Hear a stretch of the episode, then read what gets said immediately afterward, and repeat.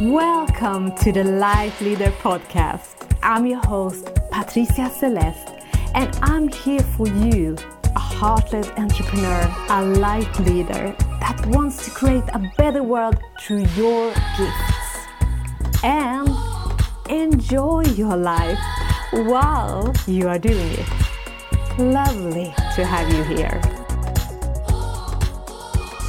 So, in this episode, we're gonna meet the former monk and cancer survivor um, Jem.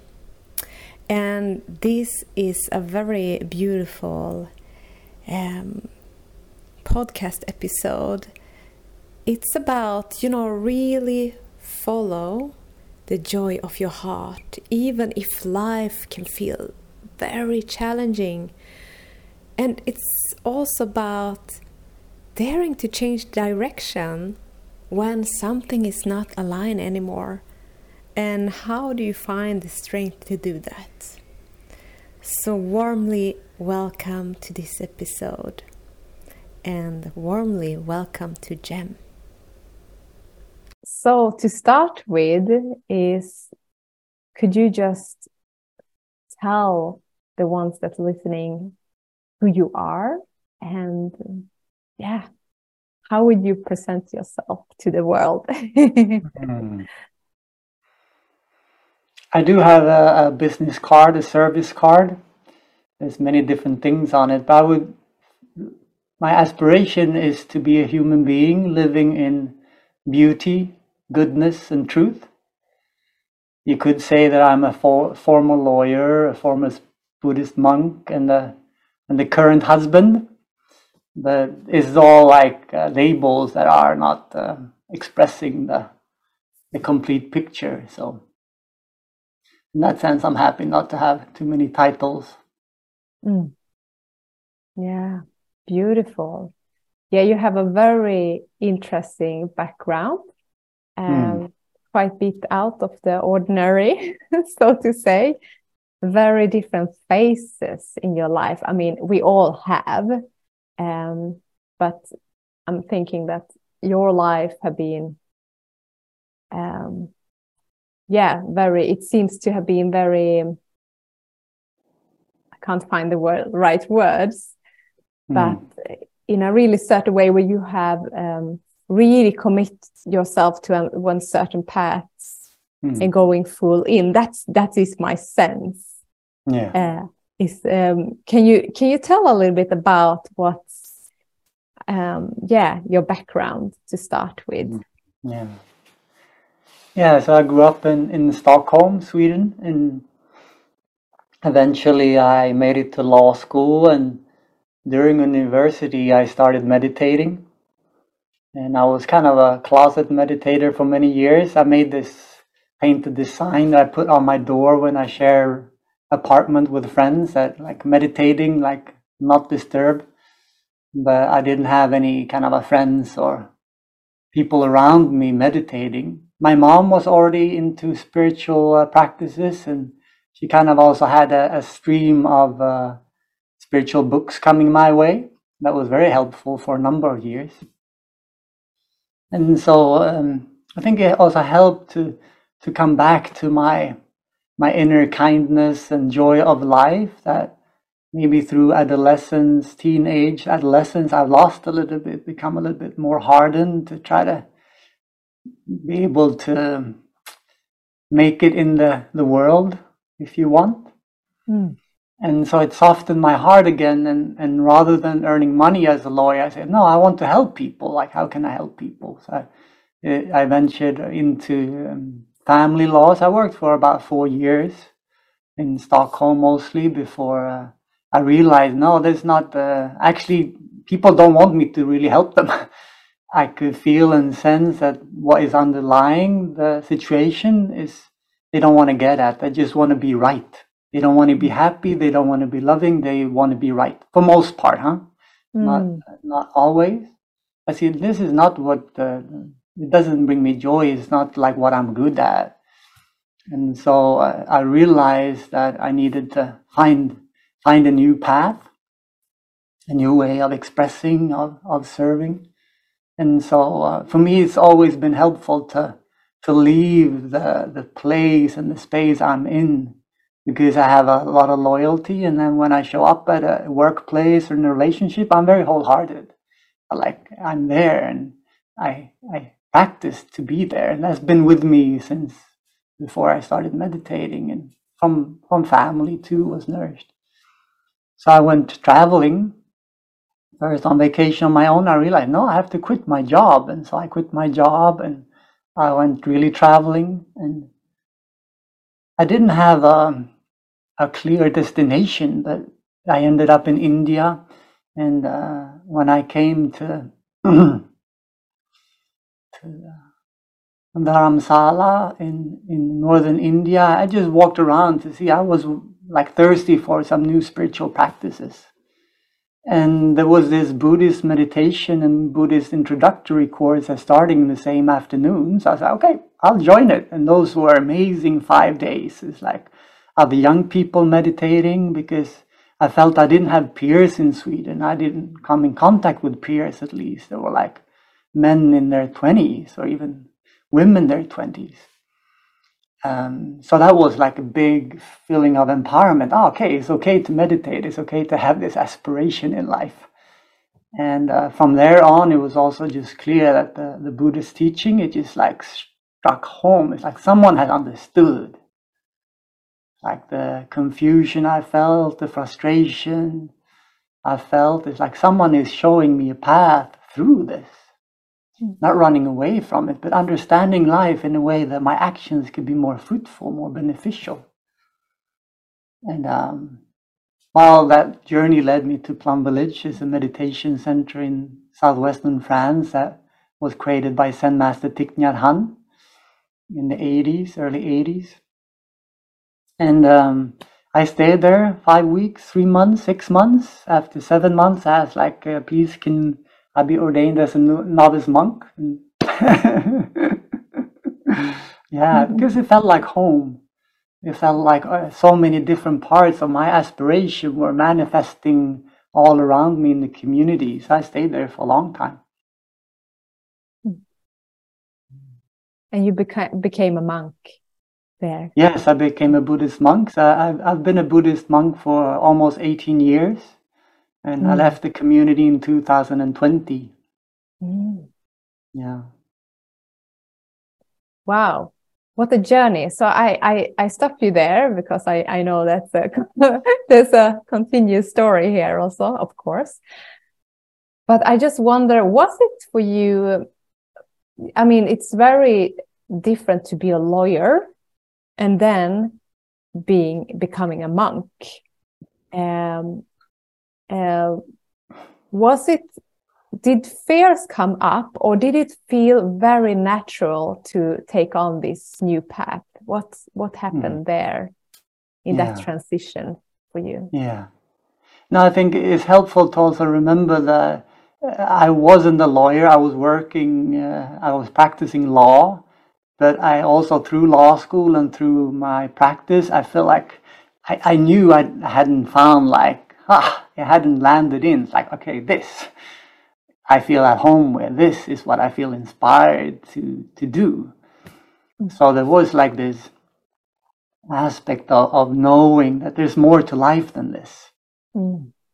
And mm. so I think that's and and I realized also the insatisfaction of of the material things. I've been able to decorate a new apartment just the way I wanted to. I could buy clothes and eat and go on vacation. I felt like no, this not the it's not satisfactory. Take a lot of mm. time and energy to maintain this. And so I was ready to let go. And so when I was traveling, I was traveling in India for four and a half months just with my backpack, eating vegetarian food, not having a lot of uh, entertainment, not being in any relationship. So it was like already a preparation. So when I came to Plum Village, uh, it was like a living in a setting where others lived in a way that I felt was really good for me, that I really thrived in. And so, in a way, it didn't took, take more than a couple of months, I think, before my heart knew, like, I want to ordain, I want to live like this. but then in big transition, I also see is like for it to be really embodied and, and grounded and have a firm foundation of like taking that leap. Also, somehow the mind has to join. Mm. So it's like the heart and mind have to do together, and so like my my intuition and my logic have to like agree.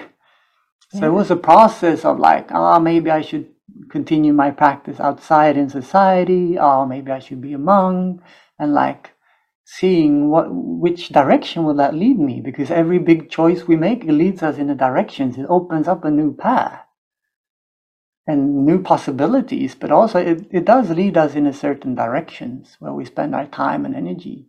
Mm. and so i just felt like this was kind of getting more used like getting more used to also living in nature living more simply sharing room with others being in a very communal setting that I wasn't used to as the only child from Sweden, you know, we have a lot of space, we have our own room, and, and so on. Uh, wow. And the, the last hurdle of that was actually in in sitting meditation one uh, one afternoon, and uh, I was sitting in the, the outer row, and behind me was a couple of the elder monks in the community. And just during that sitting meditation, I just felt so much peace and love just radiating from them. Mm. And I feel like I have I have to receive this gift.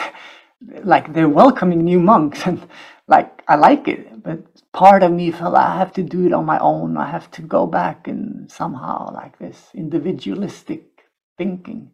So it was that of ah, I can take refuge. I can return and rely on this support that is here, that is being offered. And so that was like after that, there was like no turning back. Mm. Wow, wow, so beautiful. And this, yeah, this explanation or picture you gives with, yeah, the mind, and then I would say the mm. heart, and like, yeah. it doesn't mean that the mind is bad, but it it have many rules or have many often many ways how it mm. think it should be why the heart just feels yeah and and it sounds really that you you really dare to follow that strongly when you pulled out from your job in the hmm. society mm. and just openness but then then it's the next step when we often when we step into the new we maybe are ve- mm-hmm. very enthusiastic but then the mind kicks in yeah. you know again and start to question because yeah it's a situation that we probably we haven't been in before so it feels mm-hmm. unfamiliar as you explain here like mm-hmm. the difference of the only child and individualistic society and being in that and going into kind of the opposite mm. Yeah. Wow. Yeah. And for me, it's also actually those um, kind of those ideas. Well, are they serious enough here? Do they practice seriously enough, or is it like uh, living as a cultural minority? And there was a lot of Vietnamese culture and language, even if there's monks from all over the place, but like no under Scandinavian, so it's like clear minority like that. But actually it helped me to go through those questionings too to realize I have this idea of what it means to practice well, and I'm grasping onto this idea that to be a good practitioner, this and that. So to be too joyful, to be too light, that's not the serious practice. But actually, that's what I needed to learn. So sometimes, mm-hmm. if we're willing to see those voices in the mind or those questionings, it tells us something about our beliefs, our views. So it's not just like chatter, but actually it's uh, it has roots deep inside us. That's also connected with the heart. So when I feel the strongest was when the heart mind is together.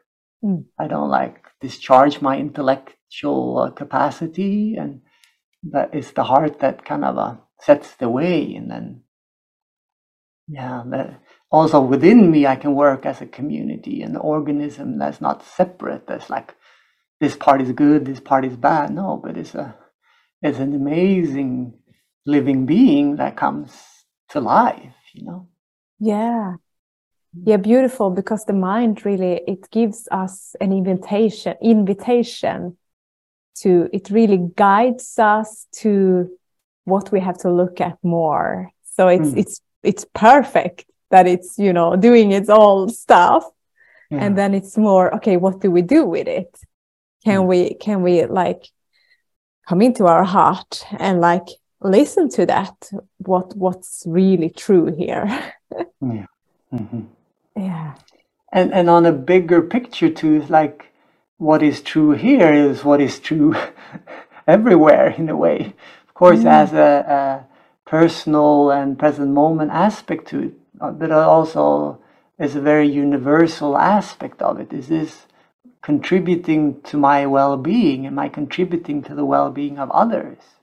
That's Mm. such an important aspect of just how life is. It's a benevolent loving cosmos and it's like where you know our um, our journey eventually is to wake up and be free to hmm. be loving and be like aligned like you were asking me in, in advance to this to like what so this is our all our purposes and our journeys are a little bit different and we're learning different things and we're you know there's also individualistic aspects to the path but there's also this universal thing that for me has been very helpful to keep in contact with. Like the Buddha was so surprised after waking up.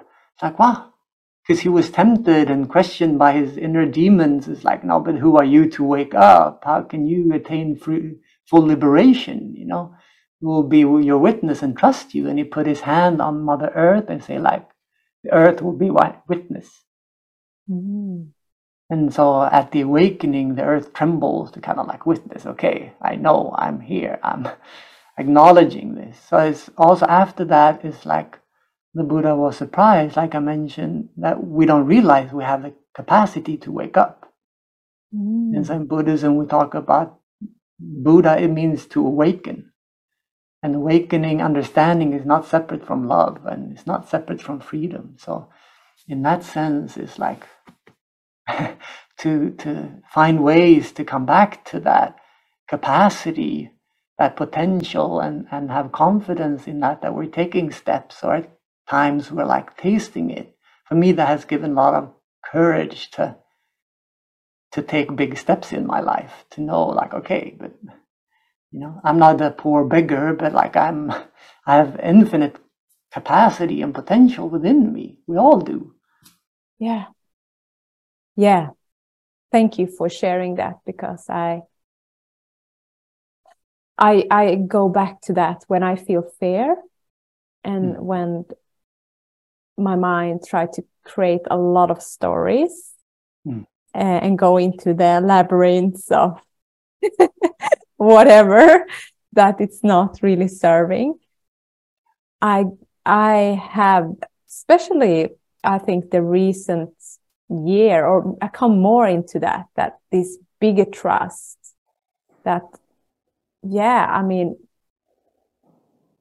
we come here and we are limitless. I mean, it sounds so, we, we have heard these things, but Mm. then for me, it's just dropped deeper and deeper, like the, the real understanding of that. It's, it's so hard for the mind to grasp, and I can't Mm. say I still wholly grasp it, but I started to kind of I I can see that I open up for that more and more. And when I do, more and more magic comes into my life. Mm.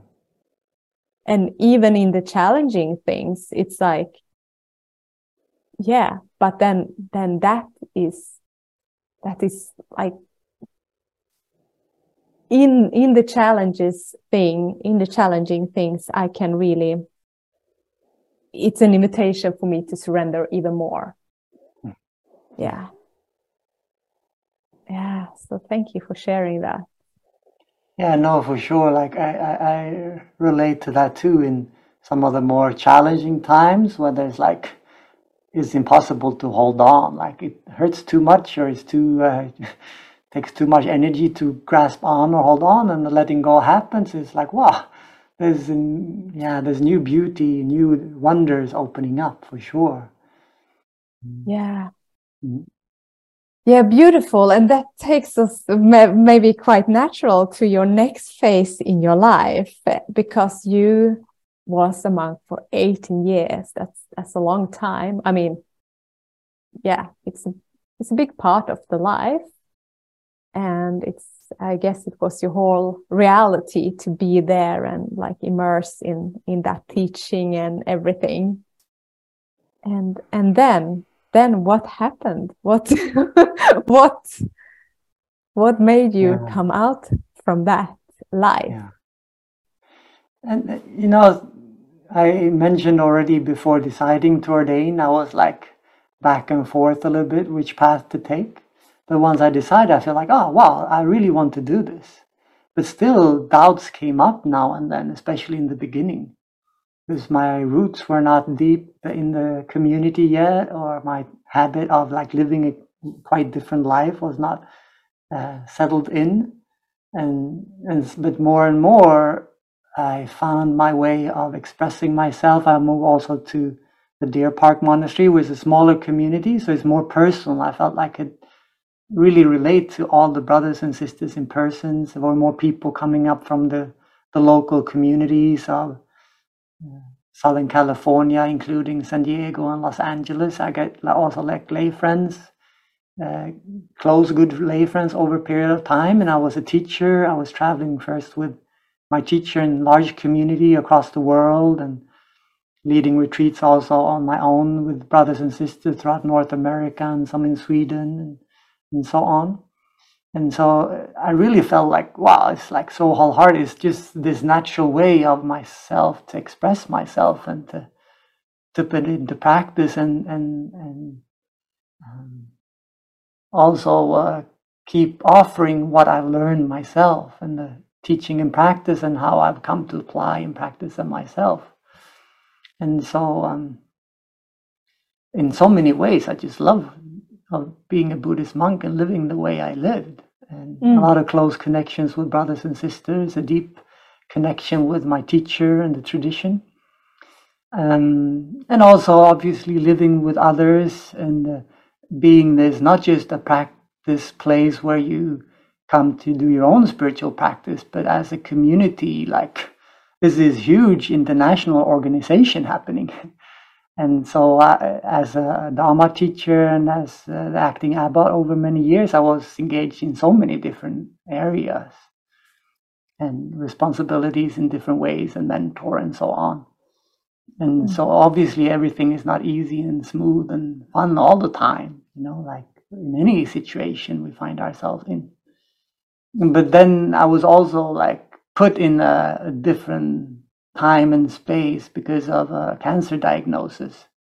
Hmm. In uh, August 2018, I was diagnosed with melanoma cancer, and it showed that it spread through 11 different parts of my body and the backbones and the liver and 11 tumors or something. And so it was kind of a radical shift. So I just said, like, hey, I I cannot take care of anything. I just have to focus on on possibly getting well. Mm. And so I went into treatment and and I was really like really um yeah, I've never been so sick and so weak in my whole life, like the period the fall of 2018, spring 2019. And it was also a time where like functions of the body kind of difficult to come to the toilet in time or just after 10 steps i was like exhausted. My breath was like i couldn't get enough air and i couldn't lay down and i didn't get enough air so i kind of half sat at night and i, I start having a, a sense of worry in my body. I like i'm not sure if i'm going to wake up. It's like the body's so so weak. And so during that period too like i asked myself it's like well if this is it if i don't get better if i'm passing on it's like am I okay with that? Am I able to let go into that continuation if that's what the conditions are like, you know, phasing? And and it just felt so much light and so much clarity during that time. So like I'm not afraid of dying or continuing even and what that journey looks like. But more, it's like, no, I, I'm not ready here. It's like this you know, I have uh, things I want to do, and I have confidence that this also can heal.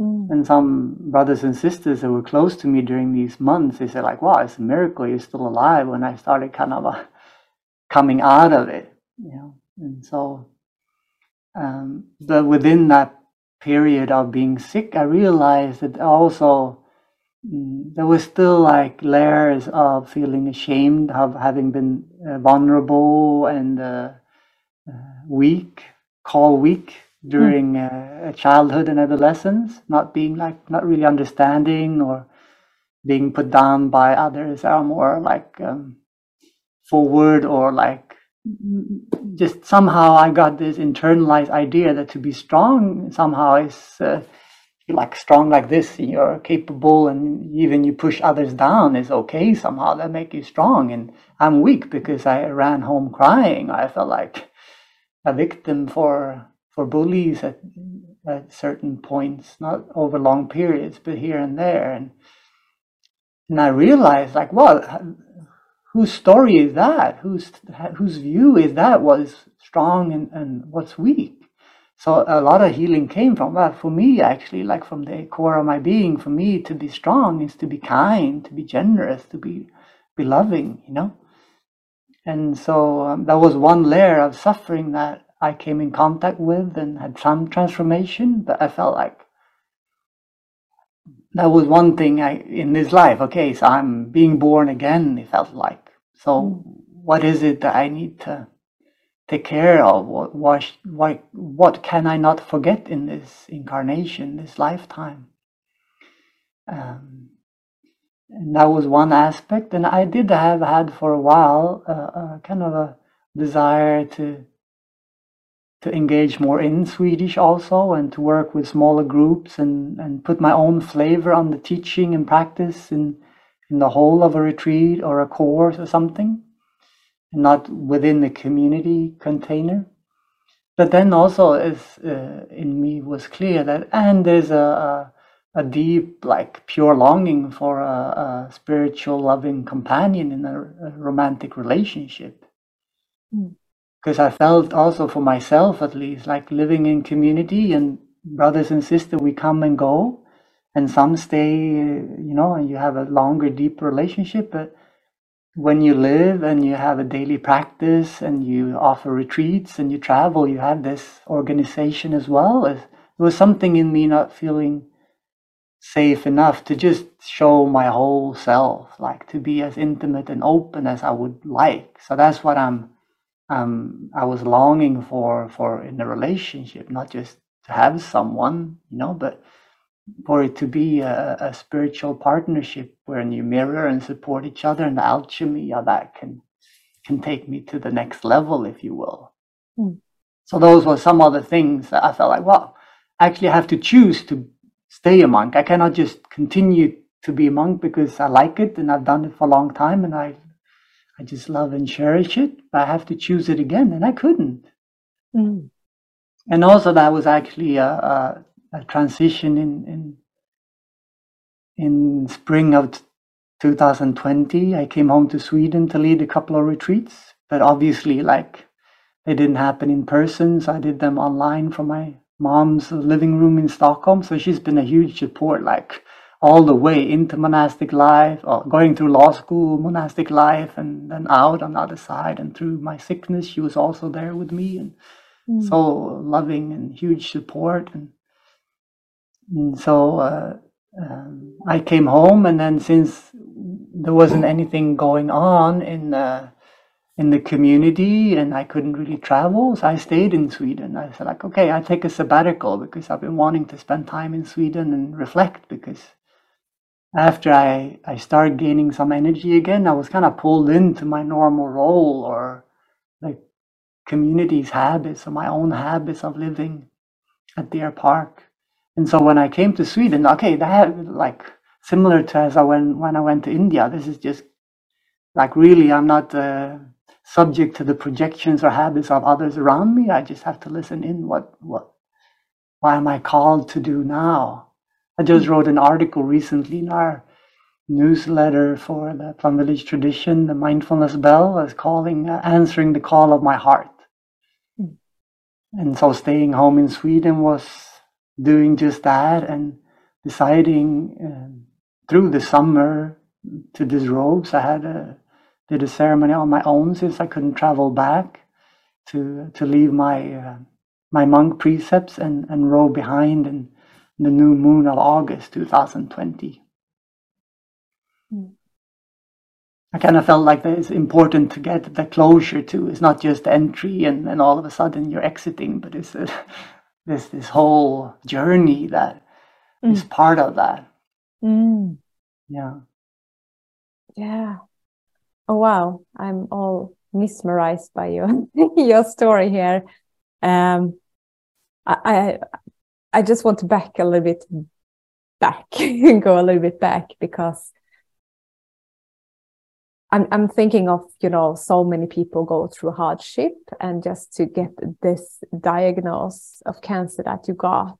Um, um, what are like so much emotions that comes up and when when you told me this i just saw like when you said that that you had seen being weak as a certain way and then kind of life showed you you you kind of got so so so weak in the physical and even as you said a lot of vulnerability came with that Mm-hmm. So it was like it it I wouldn't say a test, but it it really gave you. It sounds like it really gave you to to practice what what being strong is.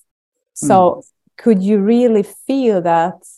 And that's kind of what I hear, but maybe you can just confirm. But what I'm hearing that you could see that, wow, I can be so strong even if it looks like I'm so weak.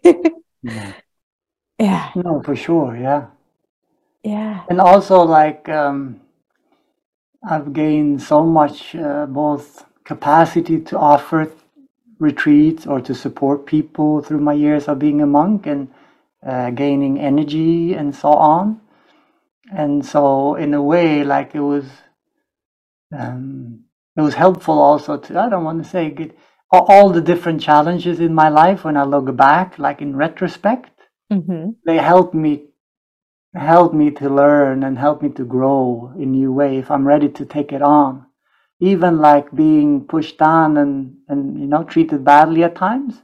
I see also like when I say is karma like paying back that I've treated others badly, but it, it, it has taught me a deeper humility and a deeper sense of empathy for those who are in difficult situations.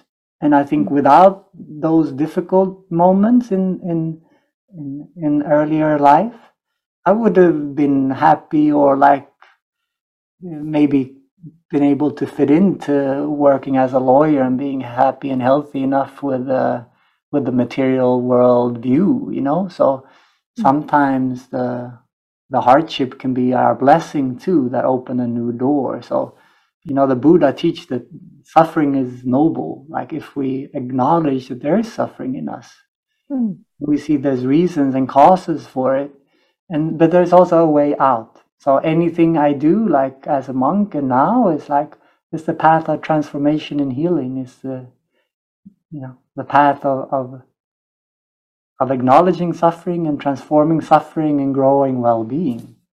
Yeah.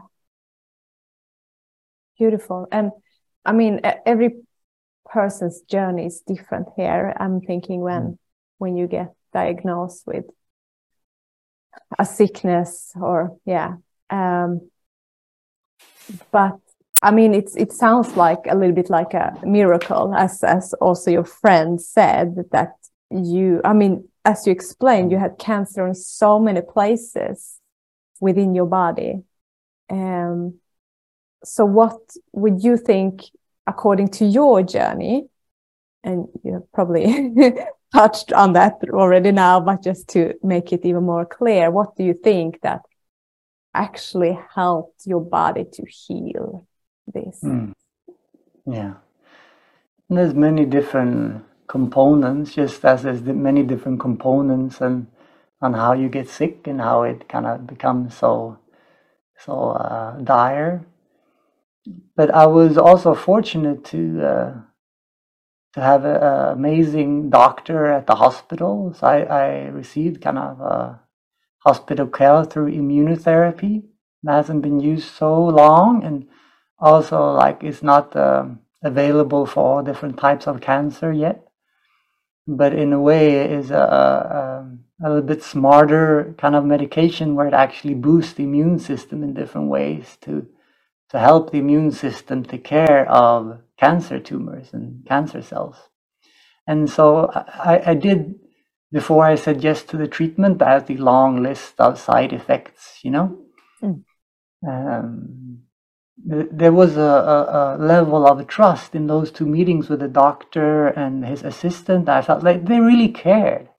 Mm. You know, he was also teaching at the university hospital and had done clinical experiments and like so happy to show that actually the way we're combining these different treatments is is getting a much bigger result. So much more people have a uh, have some benefit. It doesn't mean that everyone gets completely well, but and so it was this also this trust, like okay, I can take refuge in this. I can wholeheartedly and hundred percent receive this treatment because mm. I had like a kind of a bias, like well, it's you know is toxic in a way and it has a lot of side effects. But I, I just also dove into that and accepting mm. that.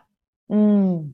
But I also accepted uh, acupuncture and herbal uh, Chinese herbal medicine over periods of times, and I also had um, radiation treatment where it was really severe and affecting other parts of the body functions. Mm.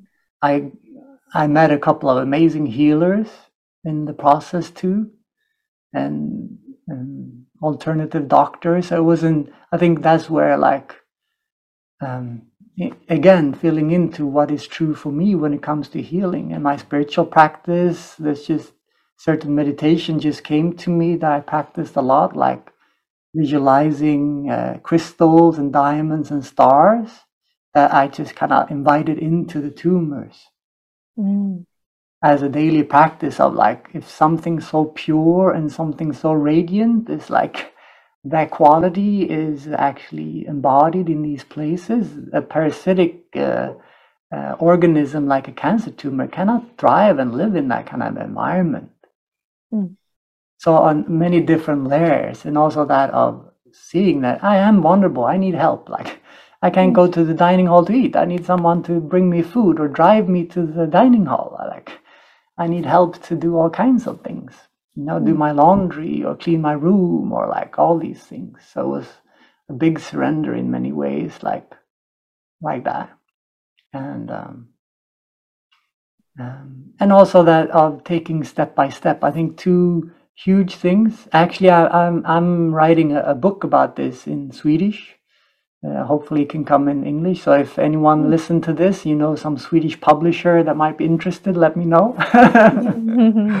no, but like don't identify with the cancer. Don't identify with being a cancer patient even. Like, okay, there's cancer in me, but I'm not cancer. Right? So that's a huge difference. And it's easy to be pulled into like, ah, oh, when's the next treatment? What's the next scan result? but like celebrating life. So after I finished the, the radiation treatments, and I was nauseous and I was weak and like, you know, after every of those treatment, I took off all my clothes, hang them outside the room, and took a shower and changed clothes right away. That's like, you know, felt so good. But then I told my my brother that drove me to the hospital, my mom that was there, like, okay, let's stop. You go buy ice cream, I'll pay, and we'll have an ice cream out in the park together. We have to celebrate, you know, because these five days in a row of going and getting treatment is like exhausting in a way, but like also trusting that has been beneficial and going into it also with a positive attitude, it helped a lot if we think that oh i'm receiving this poison is not good for me but i have to it's like of course it's not going to be helpful in the long run. You know? So that of saying yes and also celebrating what i can celebrate right now. And so that's not something that just i came up with during the cancer treatment. That's something i lived through my monastic years too. How can i celebrate there's there's the plum blossoms we make a festival out of it. Ah, the full moon. Let's make a festival out of it. We'll, sit, drink tea, and sing songs under the full moon. So these these things has this kind of a culture has been become part of me because of my my monastic living. And so those are really important things. So kind of going through the the sickness and creating conditions, contributing to the conditions also to heal. Wow, so beautiful because this what you explain here because it's very extreme to get this diagnosis. You, you know, you could hmm. actually mm. die. Yeah. It just, I think it symbolized so much whatever we do in life that feels, you know, also scary. And oh, there's so many golden nuggets here. But at least if I would sum up also what I hear is like you you went into this with kind of full acceptance that this is now coming to me and and yeah. let's make the best out of it. That's what i hear you saying. And that you really i mean you also could see that if if you would die you were you didn't let fear get in the way but you also took a decision that no i really want to be here and i have a lot to do but it felt like you weren't strongly attached to any of the outcome even if you maybe wanted something am i right or how no I? you're, you're correct a minute actually it would have felt lighter and easier to let go and continue and not stay in this body in mm. a way mm. You know it's uh, kind of feels limiting many times but also uh, an amazing um, ground to um, to grow and to contribute to something collectively too a collective awakening a, a new earth or whatever you want to call it Mm. And and also like this of um, like uh, coming to Plum Village and meeting my teacher. I, we call him Thay, which means teacher. Zen Master Thich Nhat Hanh, Thay. And it's also like a, a, homecoming, and like he's been my teacher before. It's not like so. It felt like a, um, a previous vow that I've taken. It's also to like so when I've been able to return and practice with him and contribute to, to his life's work, it's also been so satisfactory. And actually, I could also, it seemed like in, in my journey out of monastic life and finding my current wife, there's also this of a reconnection rather than like meeting someone, you know, but like familiarity in so many ways, like, oh, so wonderful to see you again, that kind of experience. Yes. Yes. Yeah, it's so beautiful because that's also what I can really, when I met my partner, it felt like that. Oh, yeah, yeah there you are. yeah. Okay. you showed up now. Yeah, yeah, it makes mm -hmm. sense. yeah. Mm -hmm. Oh, yeah, so beautiful because I mean, that's also yeah such a um, difference from being monk and then going into relationship but it, it also felt that you somehow had started to prepare for that in some way am i right then that you started to that that mm. had dropped into your awareness um, yeah no i, I felt that um, that aspiration if you will already when i was still a monk back in deer park uh, during my period of being sick. But then there's also like in this life we cannot maybe do everything that we find will be beautiful, right? So to do something wholeheartedly and really like follow something, we also have to let go of other beautiful things, mm. right? We cannot. Fo- if we, I try to follow every teacher or every spiritual tradition, like I, it's like uh, I miss the whole thing. I don't really drink. I don't really get to the well of anything. Yeah and so in life too maybe and that's one reason why i realized living as a lawyer in stockholm like people i saw around me that were more more successful or been a part of the that kind of life for longer they have so many different things so many different commitments but they couldn't, in my sense, they couldn't really enjoy it. They didn't have time or energy to really enjoy it and savor it. It was mm. always taken care of or the next thing and always wanting more. And so sometimes in life, if if that is our grasping mind of never having enough, that will never lead to, to fulfillment and satisfaction. You always have to let go of things to really like for something beautiful to really appear for us. Mm. And um, but it, it, felt like it's uh, I want to learn, I want to live in a different way. That was kind of a starting to be clear, and I admitted it to myself in a way in in summer of 2020.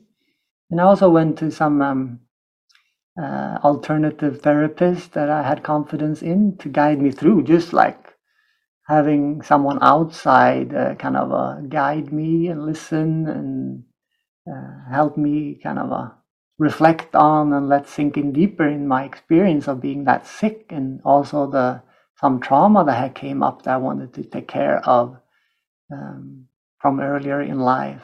And also this longing of leaving monastic life and going into a romantic relationship. There's like it was so helpful to get an outsider that didn't know me personally to just in a loving and very clear way like listen and, and mirror back and to ask questions and kind of help me find my own truth and and stand up for that because uh, uh, the, the, there's a strong seed of loyalty in me. So, like leaving monastic life, it wasn't easy because I love it so much, and I feel also like a loyalty to my teacher, to the brothers and sisters, and the community is like this this uh, this huge web across the planet of practitioners. But I, I, I feel like I left in a way that is um, I could see that I'm actually not abandoning this loyalty or my teacher, but actually I'm just doing it, offering things in a different way. Like I'm maybe reaching people that the monks and nuns aren't reaching, or like bringing it to a new sphere. And so, in that sense, I feel more of a when I could embody the feeling of I'm also a continuation, even in this expression then that sense of like, okay, I could let go. It's like this is really what I want to do, and um, and it was um, yes, a couple of months later, I had the first kind of uh, contact with Emma. Just and actually, we had some divine, divine intervention too to actually start talking to each other, and met quite shortly after that, and yeah, I was pretty sure right away that okay, this is the woman for me in this life. So so beautiful, so beautiful. Wow.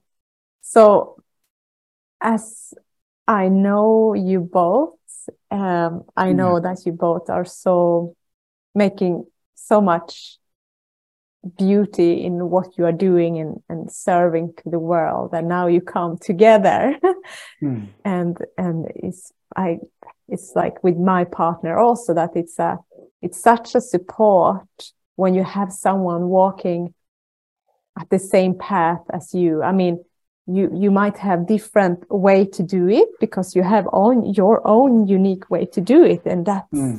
that's what you should do but you have someone that really can understand and that can really support you and that you can support and it's just this this growth in both of you just being in each other's awareness mm. even if that can be challenging as well you know and mm. even that is a, is a growth yeah. um so um yeah can you tell a little bit about that now when when you have come into this beautiful unity, this marriage also with mm. Emma and what that have now opened up for you.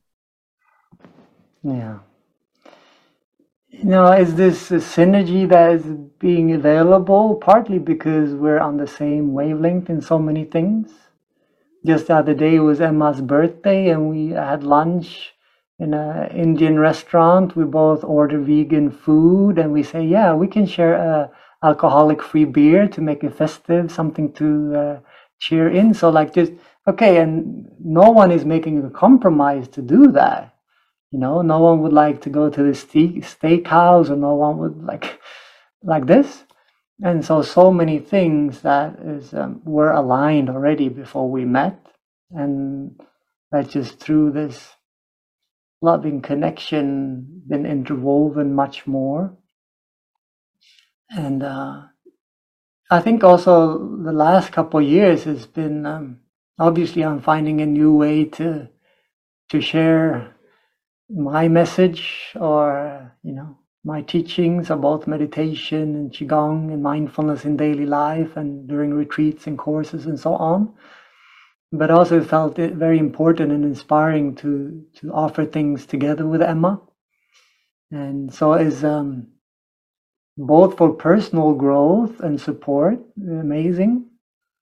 And uh, but also for in our service that we feel actually like when we do things we, we led a retreat this easter for example where where i led meditations after offer some buddhist teachings and we did walking meditation in silence outside and mindful meals and so on.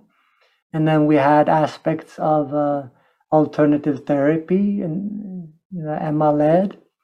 I won't go into details of that but I, it is such a beautiful synergetic uh, um, process, alchemic union that actually I think it's providing something both as obviously from our own hearts and from our love, it springs from that kind of a union too, but also it's very helpful from my own experience and what I see. Some people can meditate for a long time and they don't like there's still a lot of areas that are like shut with behind the, uh, a door and key. Like that's out of awareness. Uh, and then there's also others that dwell into therapy and they want to go through the next, uh, you know, unraveling uh, experience and cathartic release, but they don't have a stability in their daily life and self reflection and holding themselves and so on. So I feel like it's the thing we do together is a kind of a mutually supportive and so that's also inspiring. I see my own path and my own way of service in a new light because of Emma and like discovering new things together. Mm. Yeah, beautiful. What would you say that are your that you feel? I mean, that's that's I guess it's you know shift and takes different forms, but if we're talking about right now, what is your message that you feel called to share with the world? I mean, you have shared so much just during this this mm. Call, but if you would sum it up, what what would that be? What is mm. the importance that you would like to really, or that you are giving? Yeah is uh, finding ways to stop, stop our doing, stop our thinking, so we can dwell in a little bit deeper into the present moment, into ourselves, our own volition, what we find is beautiful and good and true for us, so we can live more in alignment with that. If we're uh, living according to some collective view or emotion, for living to others' expectations, we, we will never be happy and feel strong and satisfied. But if we come from this inner intention and live from that, doesn't mean everything is perfect around us. But we we we can have, sense a sense of gratitude for life and a sense of wonder in life as it is in a much clearer way. So to, to offer ourselves that stopping and coming back sensing, feeling into, discovering what is important for me, and then acting on it. It doesn't have to be in huge ways or huge shifts, but in some way. And take care of the things, take responsibility for our own actions. What are the, the voices in our head? What are the projections of others? Also, being in a loving relationship. Just like this last week, I had there was some small thing, and I was like feeling like she shouldn't leave that there at this time. And it's like I even said something about one of those things, and I really felt afterwards like, what am I doing? It's so petty, you know. I took a walk and I realized no, it's about setting boundary for something completely different. It has nothing to do with Emma, but just like this fiery energy of like, like no, it's like enough. This not, I'm not taking this. It's like that was uh, becoming alive in me for something completely different. But then, you know, the situation triggers. I take responsibility for myself, and I said later, like, I'm sorry that I was so, you know, I I commented on this because it's like nothing, you know. And so in that way, of seeing what's the real cause and taking responsibility, also saying sorry. Mm. Maybe the last thing, just like see the beauty, see the beauty in yourself, in the people around you, in the world. Like it's spring, so it's kind of easier than other times of the year, maybe. But like mm. to relish that and to to allow that joy and that like um, the wonderment open you up for new um, new possibilities in life mm. and so that's my own practice and that's what i find is helpful so I can also offer that mm. yeah and i mean that's coming back to the most challenging moment you had there that you could what I heard that you could even see the beauty when you had cancer. You was like all this crystal. When you were talking about the crystal, it's like wow, that. I mean, that you could really see that beauty, and it felt that you really could take in that beauty within you, mm-hmm. Mm-hmm. even if your body was, you know, so weak and it was so, you know, such a challenging moment for you. So as you say, it's easy maybe to see the beauty in, in the spring and you know and everything, but to to see it, what I hear that you're saying, it's like to see it all the time. Well, I don't do it all the time, but um, you know, when I do, is mm, yeah, it's just so much more satisfying to to be here. Yeah, and it doesn't mean to kind of uh, turn my way around from suffering, but like feeling when for me, so when an ambulance or police car comes by and the siren, there's kind of a, a, a tendency, at least collectively, to think like is something wrong or something we want to step out of the way, of course, but like these things that might trigger a sense of like urgency or worry in us. Mm. So like through the years, I turned and the other day we had like a military. Uh, helicopters coming over here. Like it's not so common in, in Sweden. So I was like, like may all be well. Like you know, whoever is needing an ambulance right now, may they be healthy and safe. And like mm. may everyone be safe and like may the police take care of things in a way that helps to restore some peace and, and respect in community, you know. Mm. Or with airplanes, like wow, maybe we find true peace. So like you can make these that could be a trigger into also a call to prayer, if you will. yeah. So it's yeah. also this journey of transformation. It's not turning our back on suffering and the unpleasant trees of life, but how can I use them? Mm. Beautiful, beautiful words to to end with. I think um, could listen at you for a long time and i guess there is a lot of opportunity to to listen to you more i mean very exciting with your book and uh, when if people would be called to you and would like to find you where could they find out what you're yeah. doing where you are yeah. and so actually my biggest engagement right now there's uh, is also uh, we're about to find a new home and the summer will be a lot about that transition mm. but i have a website uh, mm.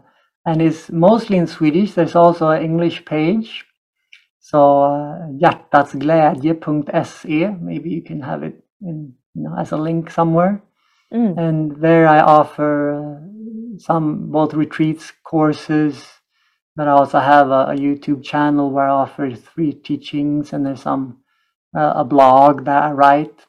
There's a just yesterday I put out a a little YouTube video that I call uh, Meditation in Nature.